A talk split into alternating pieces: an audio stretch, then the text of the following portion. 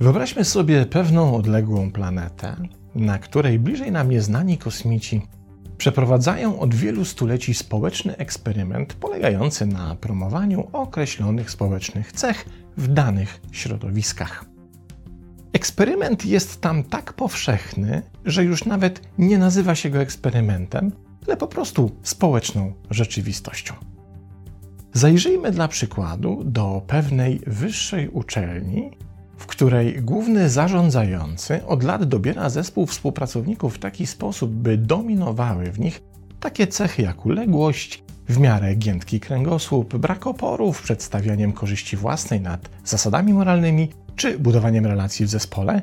I w końcu cecha najważniejsza, czyli poziom intelektu niższy od pryncypała, by sam głównodowodzący nie musiał czuć intelektualnego zagrożenia ze strony swoich podwładnych.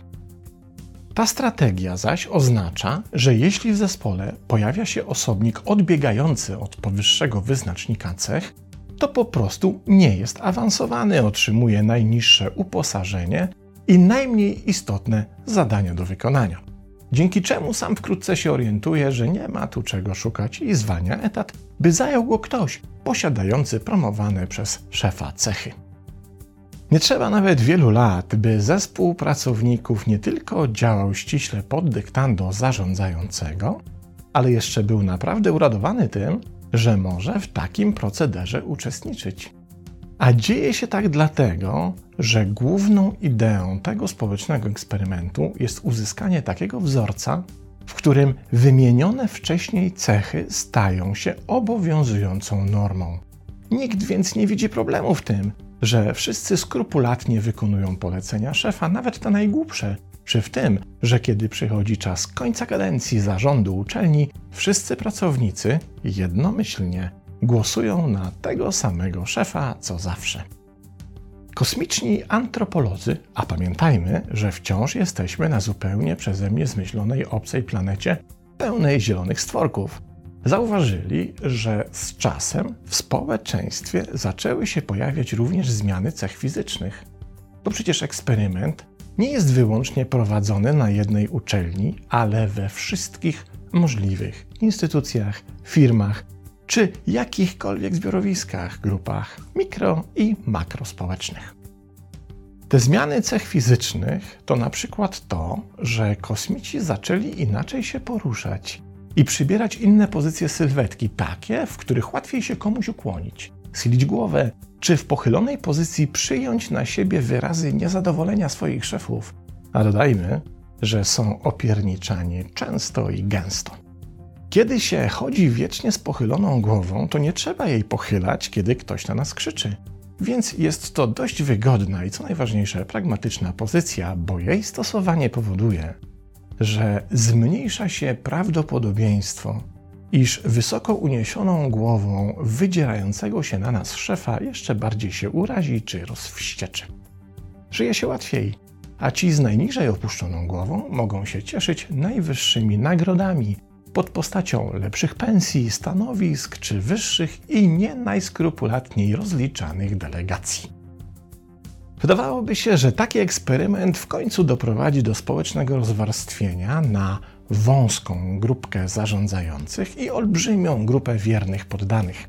Jednak społeczny wzorzec pożądanych cech powoduje, że fizyczny efekt pochylenia głowy pojawił się we wszystkich przypadkach, bo nawet bardzo ważny szef ma zawsze nad sobą jeszcze ważniejszego szefa, przed którym opłaca mu się schylać głowę. No dobrze. Czas skończyć tę czystą i szaloną jednocześnie grę naszej socjologicznej wyobraźni i spróbować nazwać opisany wyżej efekt pochylenia głowy. Nazwijmy go efektem oswojenia, czyli domestykacji, posługując się przykładem już nie ze zmyślonego kosmosu, ale z obszaru tresury dzikich zwierząt.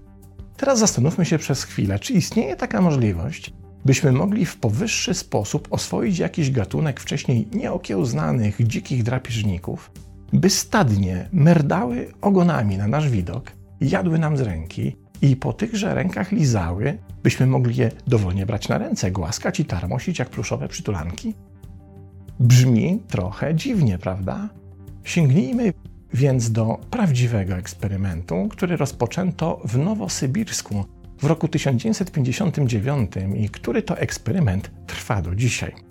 Zapoczątkował go genetyk i zoolog Dmitrij Bielajew, ówczesny dyrektor Instytutu Cytologii i Genetyki Radzieckiej Akademii Nauk, który chciał zrozumieć, w jaki sposób dzikie i drapieżne wilki stały się na przestrzeni historii udomowionymi psami. Jednak Bielajew do swojego eksperymentu nie wykorzystał wilków, ale dzięki introdukcji licznie występujące na terenach Syberii lisy srebrne, które poddano procesowi domestykacji, czyli udomowienia.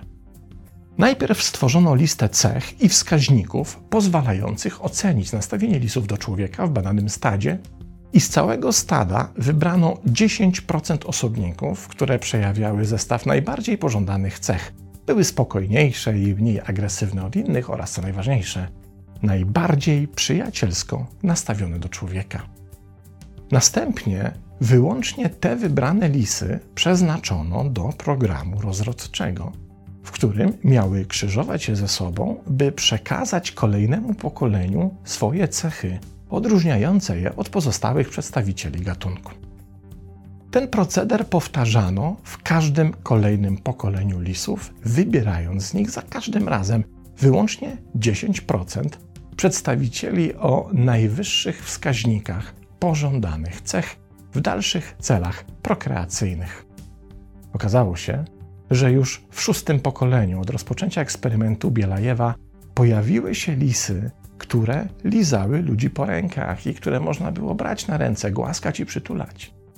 Ta niewielka liczba lisów skamlała na widok odchodzącego człowieka i merdała ogonami, kiedy ponownie się do nich zbliżał. W pierwszych dekadach eksperymentu ta proludzka grupa lisów stanowiła zaledwie 2% populacji, ale już w roku 2021, a eksperyment trwa nieprzerwanie do dzisiaj, jest kontynuowany przez naukowych spadkobierców Bielajewa, ta grupa stanowi już 75% populacji lisów, na których przeprowadzany jest ten eksperyment.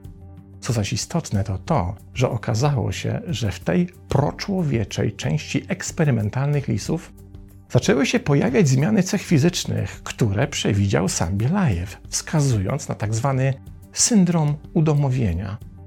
Są to bardziej obwisłe uszy niż u pozostałych, krótsze i bardziej zakręcone ogony, wydłużony sezon reprodukcyjny, centkowane futro, obniżony poziom hormonów stresu i odmłodzone rysy, dające się zauważyć zarówno w budowie głowy, jak i całego ciała.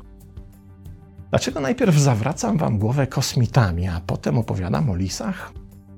Ta zagadka wyjaśni się bardzo szybko. Wystarczy, że przyjrzymy się wynikom ostatnich badań genetycznych porównujących zmiany zachodzące w ssakach, w tym w naczelnych, czyli również w ludziach, na poziomie genetyki towarzyszące syndromowi udomowienia.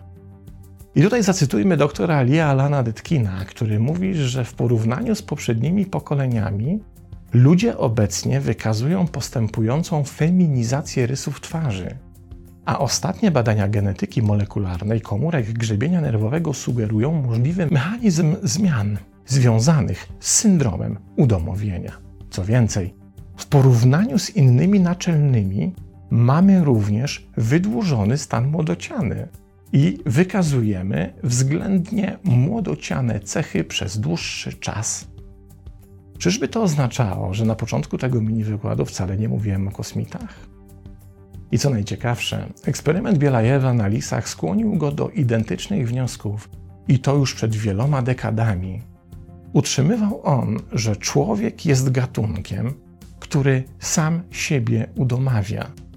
Twierdził, że środowisko społeczne stworzone przez samego człowieka stało się dla niego całkiem nowym środowiskiem ekologicznym, co doprowadziło do powstania nowych presji związanych z doborem naturalnym.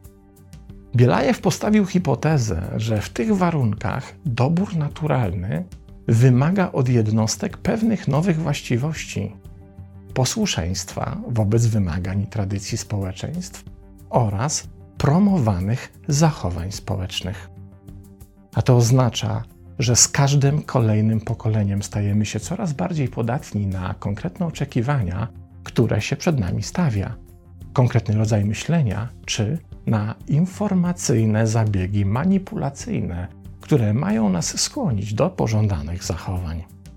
To zaś powoduje, że z biegiem czasu będzie rósł procent osobników, którzy za normę, więc coś przed czym nie trzeba się wzdrygać ani czego wstydzić, będą uważali lizanie swoich panów po rękach. I nie mam tu na myśli wyłącznie srebrzystych lisów. Gdzie tu problem, ktoś powie? Przecież z perspektywy człowieka lis, którego można przytulić i który merda ogonem na powitanie, jest taki słodki i na pewno fajniejszy od drapieżników.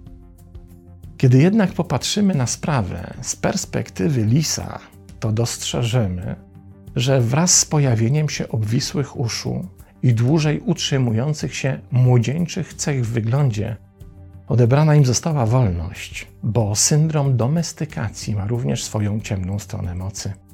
Zawsze odbywa się w społecznej klatce. I nawet kiedy ta klatka miałaby być cała ze złota, wciąż pozostaje klatką.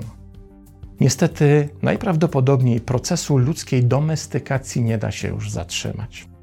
Każde kolejne pokolenie będzie bardziej skore do poddawania się czyjejś woli, a jedyną na to reakcją będzie co najwyżej kładzenie coraz bardziej obwisłych uszu po sobie. Jedyne zaś, co możemy zrobić w tej sytuacji, to być świadomi tego procesu. Obserwować i zwracać uwagę na jego przejawy i zawsze podejmować autonomiczne, odpowiedzialne decyzje, czy aby na pewno chcemy brać w tym lisim eksperymencie udział, płacąc własną wolnością i samostanowieniem za. Tutaj wstawmy trzy kropki, by każdy indywidualnie mógł dokończyć to zdanie. Pozdrawiam.